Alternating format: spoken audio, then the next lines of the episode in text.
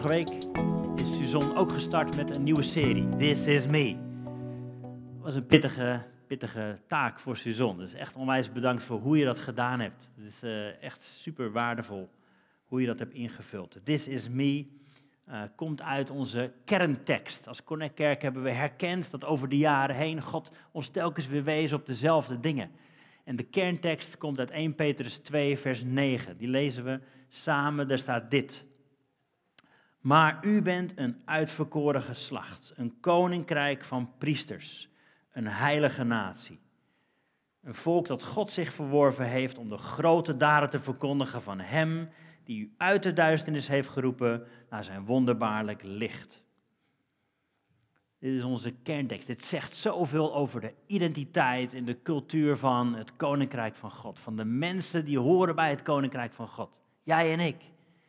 Dit zegt heel veel over onze identiteit. En daarom hebben we deze serie ook genoemd This is me. Dit zegt iets over wie ik ben. Wie God zegt dat ik ben. En vorige week hebben we het uit, uitgepakt in vijf thema's. Vorige week is begonnen met de eerste krachtig koninkrijk. We maken deel uit van een krachtig koninkrijk.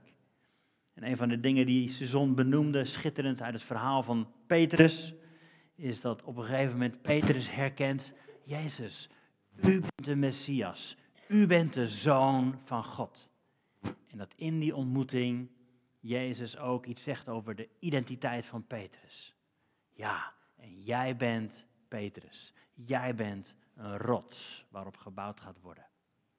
Dus in die ontmoeting met Jezus, in dat we Hem erkennen en herkennen, ontvangen we ook onze identiteit. Spreekt God uit en dit ben jij. Dat is waar we onze identiteit allereerst vinden. Niet in wat je doet. Je werk kan superbelangrijk zijn voor je, maar het is niet je identiteit. Je bent niet wat je doet. Je bent ook niet wat je hebt. En je bent niet wat je voelt. Hele gevaarlijk in deze tijd. je bent niet wat je voelt, maar je bent ook niet wat anderen over je zeggen. Onze identiteit vinden we in wat God over ons zegt. Nou, vorige week was er wel livestream, dus je kunt hem terugkijken als je er niet bij was. Doe dat vooral, alsjeblieft. Vandaag gaan we door met het volgende onderwerp: passievolle priesters. Ik wil eerst samen bidden. Vader, dank u wel dat u nog steeds goed bent, nog steeds Heer bent. Dat u alles in uw handen heeft en dat we veilig zijn in uw handen. En zo willen we ook vandaag luisteren, weten dat u weet wat we nodig hebben. Wat hoort wel bij ons, wat hoort niet bij ons, wat is waarheid, wat is leugen, wat hoort bij uw koninkrijk, wat mogen we loslaten. Heer, wilt u het vandaag spreken in ons hart? We willen naar u luisteren. In Jezus' naam. Amen. Amen. Ik ga beginnen met een Bijbeltekst uit Romeinen 8.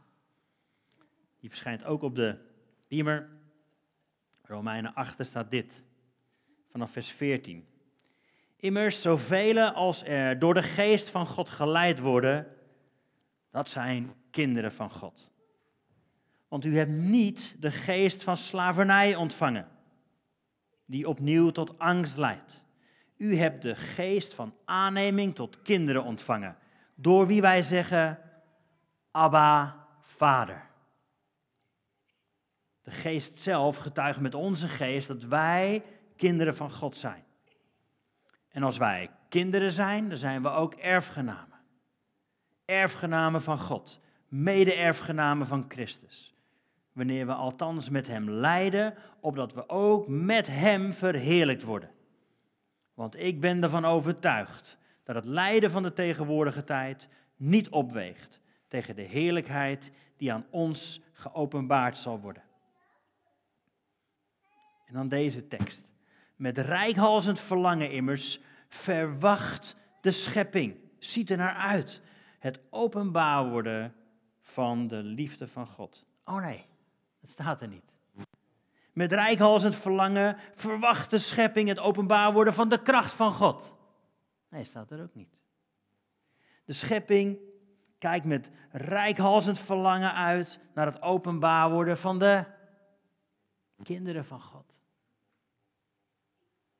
De schepping ziet er naar uit dat jij en ik tevoorschijn komen. Openbaar worden. Laten zien wie we nou eigenlijk echt zijn in Christus. De schepping zucht en wacht tot de kinderen van God openbaar worden. Want de schepping is aan de zinloosheid onderworpen, niet vrijwillig, maar door Hem die haar daaraan onderworpen heeft. In de hoop dat ook de schepping zelf bevrijd zal worden van slavernij, van het verderf, om te komen tot de vrijheid van de heerlijkheid van de kinderen van God. In het Engels staat er eager expectation. De schepping kijkt met rijkhalzend verlangen uit naar het openbaar worden van de kinderen van God. En daarom vinden we dit zo'n belangrijke thema. Identiteit. Weet wie je bent in Christus. Nou, om dat te onderstrepen, en dat is ook een beetje in een knipoog van het uh, thema titel, This is Me, om dat te onderstrepen, wil ik graag een kort stukje laten zien uit de film uh, The Greatest Showman. Misschien wel bekend, waarin dat hele fantastische lied ook gezongen wordt. We gaan eerst een minuutje kijken, daarna even pauze en dan gaan we hem verder kijken. Wil je hem even laten zien, alsjeblieft? Het is in het Engels, maar dat moet best goed Benjamin Justin just written this new song called This Is Me. And uh, we knew that it was going to be the anthem of the film, um, but no one had heard it before. And no one had heard Kiala sing it live. And Kiala, who I didn't even want to come out from behind the music stand. I didn't. I, I kept saying to her, just step out because this is your moment and you have to step out into the ring, metaphorically, because that's what you're doing and you got to stand right there in front of everyone and just belt this out. And I didn't want to. In fact, I stood behind that music stand Yeah. until the day of that presentation. There was a moment in the song that I actually was so scared that I had to actually grab Hugh's hand so that I had somebody to hold on to. And then we got to the end of the number, and all I remember is just deafening, deafening applause. It was a sort of otherworldly experience. It was one of those moments that will stay with me the rest of my life. Unfortunately, we filmed it. Pauze, pauze, pauze, pauze, dank je. Dank je. Ga zo door. Korte inleiding. Dit is dus dit is niet de film zelf, maar een soort van presentatie voordat de film gemaakt wordt. Ze moesten nog geld ophalen, zeg maar. Uh, maar dit, dit, liedje heet This Is Me. En in de film speelt deze vrouw iemand die altijd vers, verborgen is gebleven.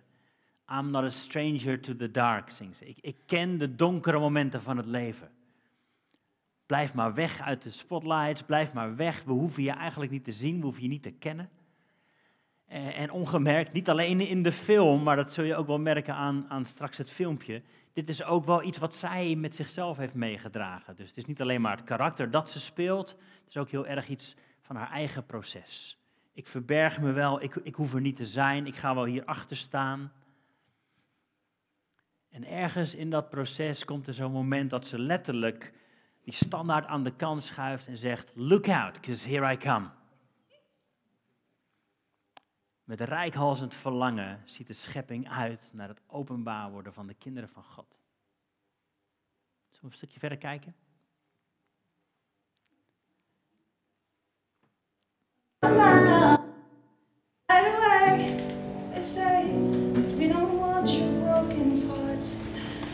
Oh, Benjamin Justin just written this new song called This Is Me.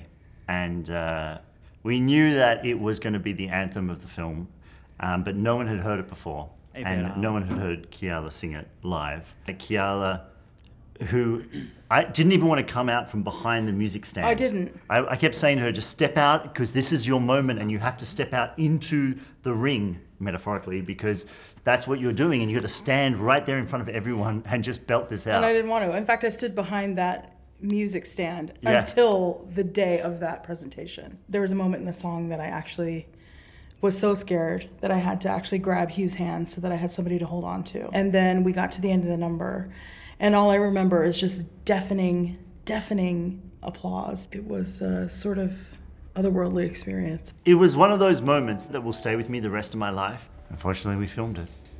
I'm not a stranger to the dark. Hide away, they say, 'cause we don't want your broken parts.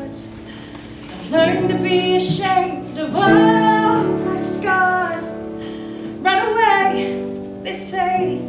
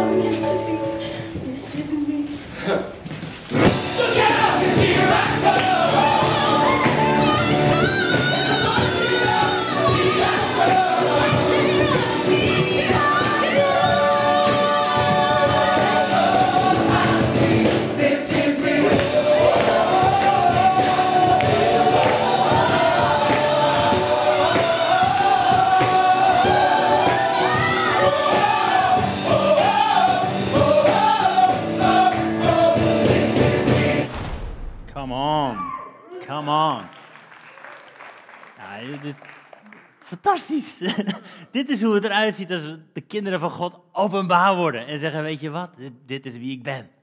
Gevuld met de heerlijkheid van God. Waar ik kom, komt de aanwezigheid van God binnen.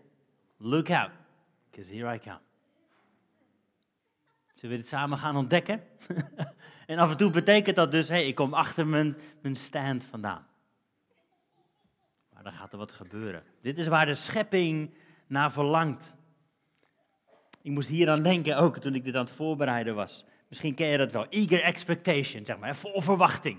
Je ziet voor je een berg met cadeautjes en een huis vol met kinderen die ernaar verlangen tot het uitgepakt mag worden. Ze zijn vol verlangen, vol verwachting. Maar dan zijn er altijd van die ouders die zeggen: nee, nee, dat doen we dan aan het eind van de middag. en wat gaan kinderen doen als, ze, als die verwachting, dat verlangen niet vervuld wordt? Ja, ze gaan lopen etteren. Ze gaan lopen klieren, toch? Ze moeten ergens die energie kwijt. Dat zien we ook terug in wat er nu in de schepping en in deze wereld gebeurt. Mensen gaan lopen etteren. Omdat ze ernaar verlangen dat de kinderen van God openbaar worden. Dat we op gaan staan. Amen. Dat is waar de schepping naar verlangt. Dat wij onze plek in gaan nemen als kinderen van God. Door wie wij kunnen uitroepen, Abba, Vader. Daarom is deze serie zo belangrijk voor ons als kerk, voor jou en mij als persoon. Dat we opnieuw gaan ontdekken en met de bril van Gods waarheid kijken naar wie wij zijn. En daarom ook die vijf dingen uit 1 Petrus 2, vers 9. Ik zei al, Suzanne had vorige week over krachtig koninkrijk. We hebben misschien het lijstje van die vijf punten eventjes laten zien. Krachtig koninkrijk, daar zijn wij onderdeel van. We zijn niet onderdeel van ja, een traditie die een beetje naar de flanken is uh, verplaatst, die er eigenlijk niet meer zo toe doet. nee, we zijn deel van een krachtig koninkrijk. Wij zijn passievolle priesters. Daar ga ik straks kort iets meer over zeggen. Wij zijn groeiende heiligen. Volgende week gaan we daarnaar kijken. We zijn in ontwikkeling, maar we zijn heiligen. Wij zijn een betrokken volk. Nou, dat staat voor mij met hoofdletters over afgelopen week. Juist in moeilijke tijden laten we zien, we doen dit samen. En ik zei al, wat we, wat we doen, wat we doen vloeit altijd voort uit wie we zijn. En veelkleurige verkondiging hoort daarbij. Veelkleurige verkondiging vloeit voort uit dat we weten, this is me. En nu ga ik het vertellen, de wereld vertellen over die goede God. Vandaag dus passievolle priesters. Een veel te groot onderwerp om in één preek te behandelen. Dat is een soort van disclaimer. Sorry, dit gaat niet alles behelzen. Ik wil je wel graag wijzen op de Bible Project. Misschien ken je dat. Als je nog niet kent, echt een wijze aanrader. Misschien kun je die slide even laten zien. De Bible Project heeft een fantastische serie. Allemaal filmpjes uh, en, en podcasts over priesterschap. Over heilige priesters. Als een rode draad door de hele Bijbel. Op de volgende slide kun je dat ook nog zien. Um, zie je dat? Ze hebben alle series over, over Eden. Over de Hof van Eden bijvoorbeeld. Over Adam en Eva als priesters in de Hof. Melchizedek natuurlijk, een bekend figuur als het gaat over koning en priester. Mozes en Aaron, David als priesterlijke koning, Jezus als, als hoogtepunt van de koninklijke priester en daarna ook de royal priesthood, jij en ik hier en nu vandaag. Dus dat is echt, uh, zeker voor deze serie, voor de komende tijd, als je aan het wandelen bent, als je aan het hardlopen bent, als je in de auto zit, luister die podcasts van Bible Project. Ook hele leuke filmpjes daarvan. Maar vandaag dus in ongeveer een kwartiertje, wat is een priester nou eigenlijk? En er is een soort van algemene samenvatting, zou je kunnen, kunnen geven. De priester is een soort van bemiddelaar tussen God en mens. Dat is hoe het al eeuwenlang gezien wordt. Tussen God en mens. pak er een paar Bijbelteksten bij. 1 Petrus 2, vers 5, daar staat dit. Dan wordt u ook zelf als levende stenen gebouwd tot een geestelijk huis, tot een heilig priesterschap, om geestelijke offers te brengen, die God welgevallig zijn door Jezus Christus. Petrus die pakt al een eeuwenoud principe. We brengen geestelijke offers. Dat hoort bij de priester. Offers die God welgevallig zijn. Namens de mensen brengt de priester een offer aan God. In Leviticus 9, een paar eeuwen daarvoor, zei Mozes tegen Aaron dit. Neem voor jezelf een kalf, het jong van een rund als zondoffer en een ram als brandoffer, zonder enig gebrek, en bied ze aan voor het aangezicht van de Heer. Dus de priester die offers namens het volk aanbiedt aan God. Maar daarnaast, een paar versen later, daarna hief Aaron zijn handen op over het volk en zegende hen.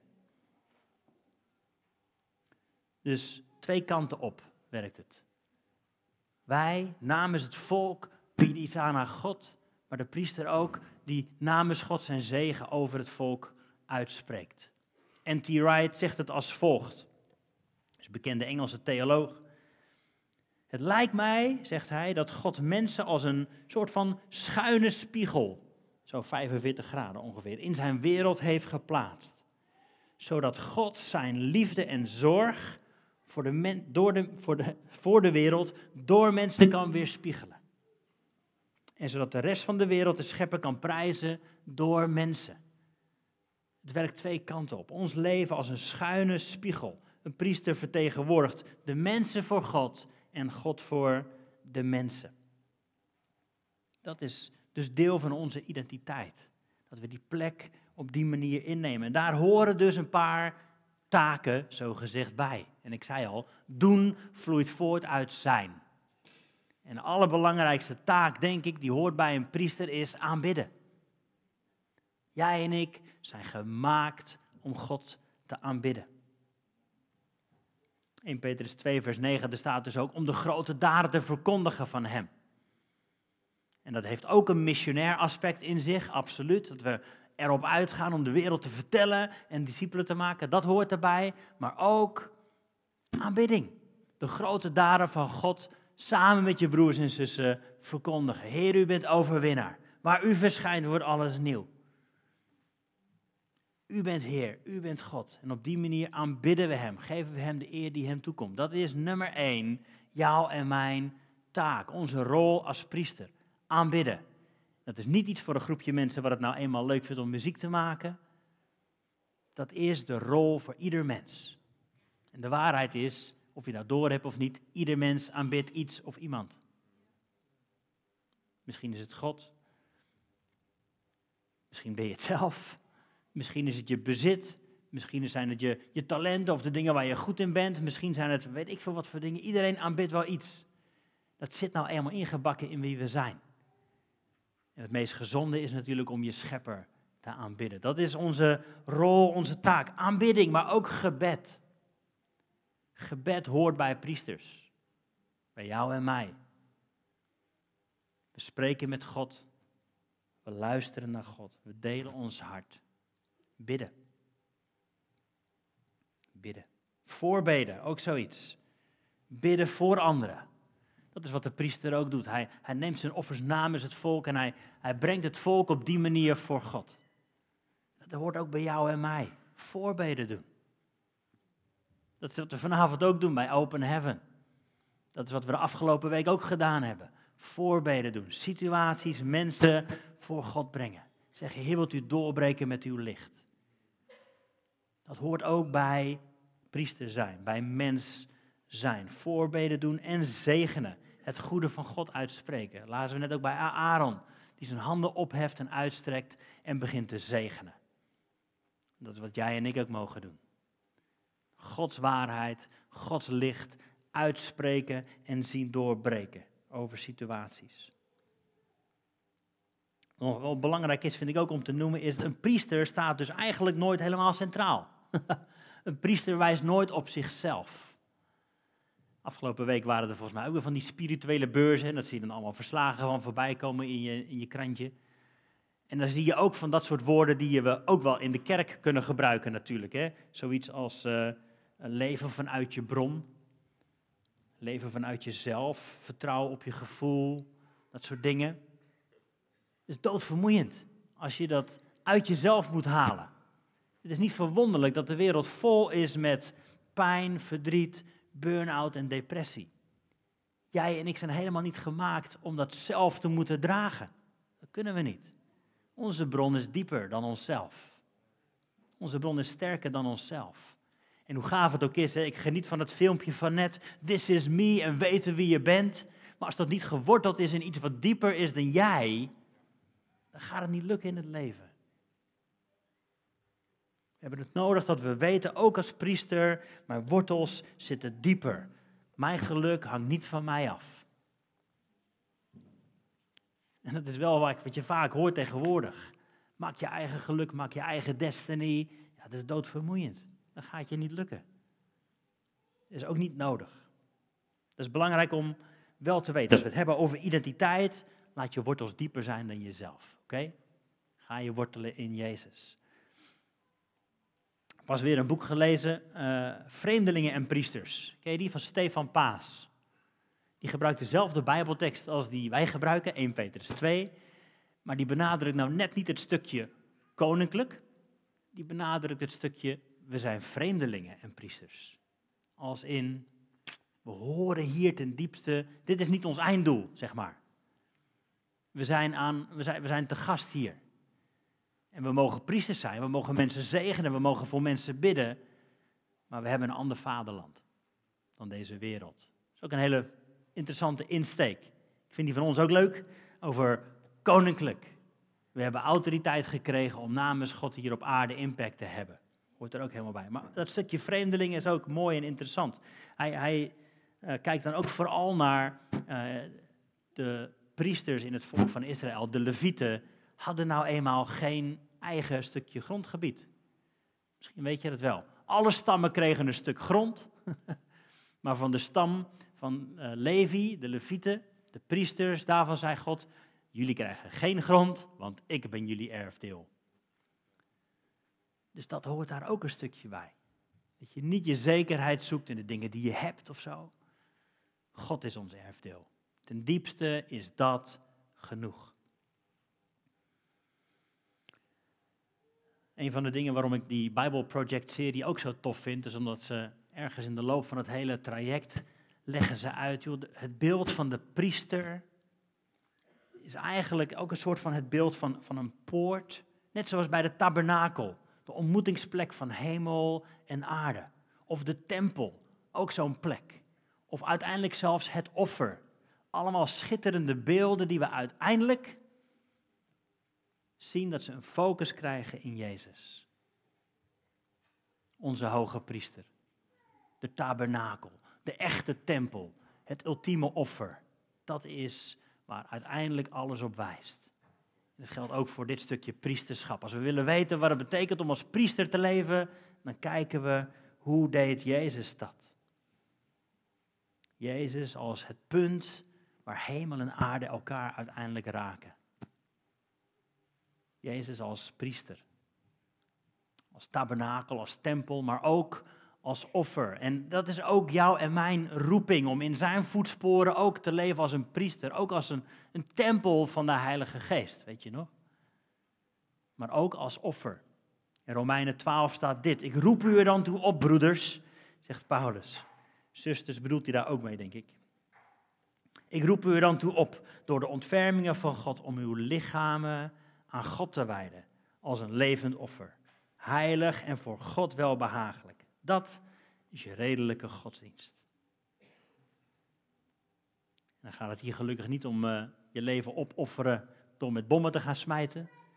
Maar wat betekent het dan wel? Hoe kunnen we ons lichaam als een heilig offer naar God opheffen? Mooi huiswerk voor de komende week. Hoe doen we dat? 1 Korinthe, hoofdstuk 6, zegt Paulus dit. Of weet u niet dat uw lichaam een tempel is van de Heilige Geest, die in u is en die u van God hebt ontvangen. En dat u niet van uzelf bent. U bent immers duur gekocht. Verheerlijk daarom God in uw lichaam en in uw geest, die van God zijn. Mooi hè? Ik zei het al, waar wij binnenkomen dragen we de geest van God met ons. Er komt letterlijk het leven en hoop binnen. Schitterend. Afgelopen week uh, zat ik weer met een groepje dominees, voorgangers, doen we één keer in de maand hier in Ede. Super waardevol. Deze keer was uh, onze baptistenbroer was, uh, onze gastheer, Peter Kos van Op Doortocht.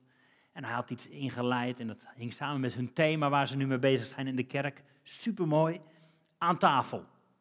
Waardoor ze een heleboel verhalen gaan van, door de Bijbel, waar, waar ontmoetingen aan tafel gebeuren. Ontmoetingen die levensveranderend zijn. En we kijken nu bijvoorbeeld naar de ontmoeting van Mephibozet aan tafel bij David. Moet je maar eens nalezen. Maar schitterend om, om daar samen mee aan de gang te gaan.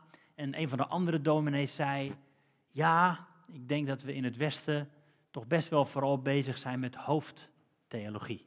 Met dingen willen snappen. En dat we vergeten zijn om het een doorleefde theologie te laten zijn. Inderdaad, ontmoetingen met God ervaren. Niet alleen in je hoofd. Ik vond het mooi dat het een van onze PKM-broers dat zei. Is er ruimte voor mystiek? Is er ruimte voor een ontmoeting met de Heilige Geest? Hoe doe jij dat? Hoe doe jij dat? Dat hoort helemaal bij priester zijn. In de aanwezigheid van God verkeren. En je daar comfortabel voelen. En die aanwezigheid met je meedragen deze wereld in. Dat is wat we proberen te cultiveren ook in onze tijden van aanbidding hier. Ik ga door naar het volgende stukje, want we noemen dit passievolle priesters.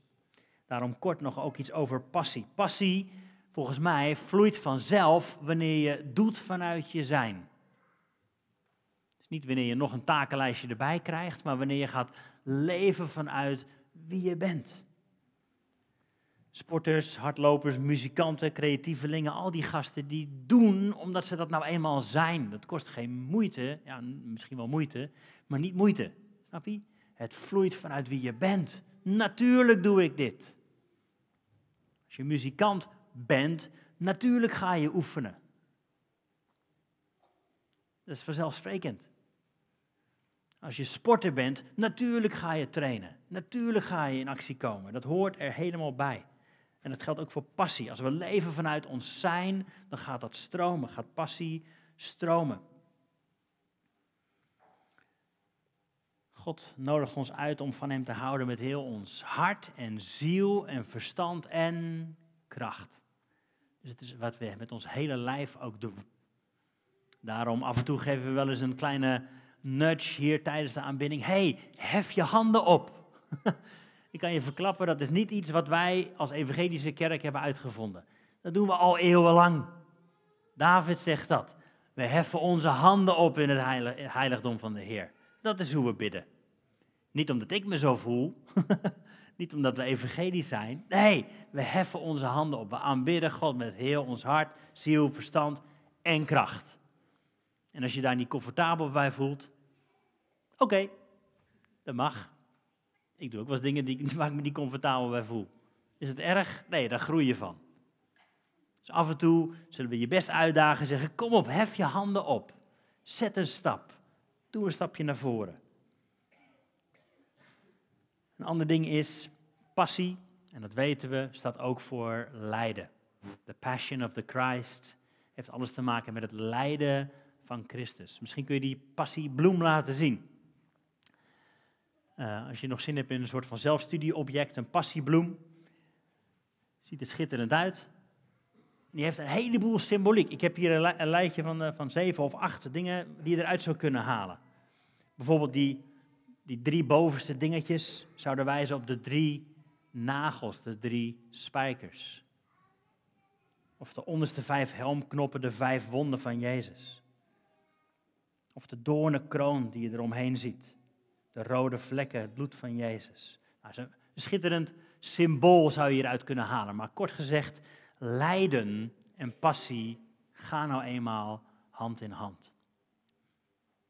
Afgelopen week hebben we dat ook gezien lijden gebeurt dus in dit leven.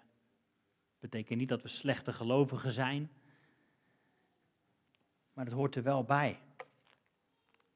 En dan is passie ongelooflijk belangrijk, dat we volhouden, doorzetten. De Bijbel zegt, we hebben geen hoge priester die niet weet hoe we ons voelen.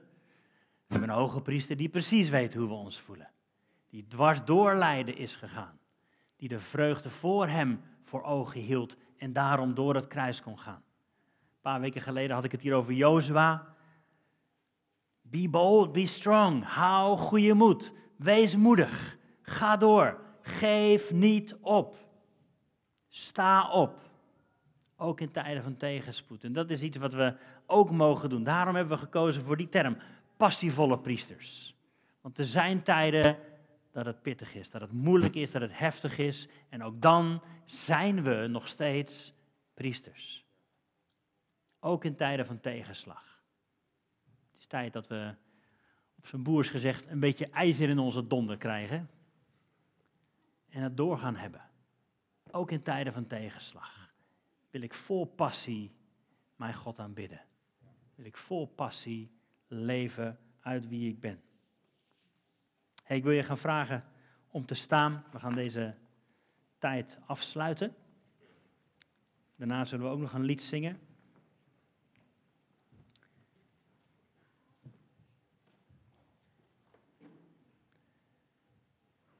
Ik zou je willen vragen om even je ogen te sluiten en misschien in al deze flarden die ik gedeeld heb, zijn er net één of twee dingetjes die er bij je uitsprongen waarvan je denkt, hé hey God, wat wilt u hiermee? Wat mag ik hiermee? Ik wil ze kort noemen. Allereerst identiteit. Weet jij wat God over je zegt? Je bent niet wat je doet, niet wat je hebt of wat anderen zeggen, ook niet wat je voelt. En het kan zo zijn dat jij ook gedachten hebt die niet komen uit Gods koninkrijk, maar, wat Suzanne vorige week zei, die komen uit de, woord, uit de mond van de slang. Maar wie heeft het tegen je gezegd? Wie heeft het tegen je gezegd? Weet dat jouw identiteit komt uit wat God over je zegt.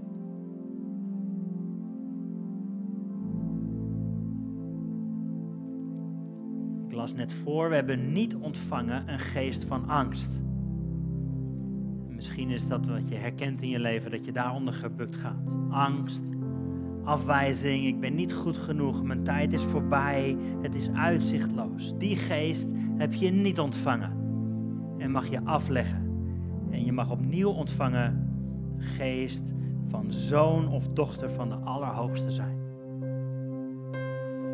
En als je herkent, hé, hey, maar ik heb wel last van die gedachten, wel last van die angsten, wil ik tegen je zeggen, kom straks alsjeblieft naar voren. Er staan mensen voor je klaar om voor je te bidden en om die gedachten wat de Bijbel zegt, krijgsgevangen te nemen en bij het kruis achter te laten.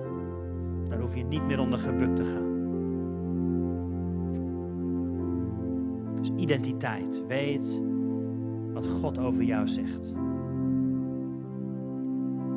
Nummer twee dan, ik had het net over de Heilige Geest ontvangen. Misschien is het voor jou een ver van je bed show of denk je, ik, ik ben dat kwijtgeraakt. Laat opnieuw voor je bidden. Wees vervuld met de Heilige Geest, want je hoeft dit niet alleen te doen. Nummer drie dan, als priester hoort gebed en aanbidding en voorbeden, hoort helemaal bij je leven. En ik kan me voorstellen dat je soms aan het worstelen bent met wat is nou mijn plek, mijn roeping, mijn bediening, wat moet ik nou? Is dit het antwoord. Hier begint het. Bidden, aanbidding, voorbeden. Vanavond is Open Heaven. Maak het eens praktisch. Kom en bid met ons mee. En daag jezelf daar ook in uit hè, om te groeien in aanbidding, in vrijheid. Ik noemde net dat eenvoudige voorbeeld met af en toe je handen in de lucht steken. Als dat voor jou een stap is, zet eens een stap.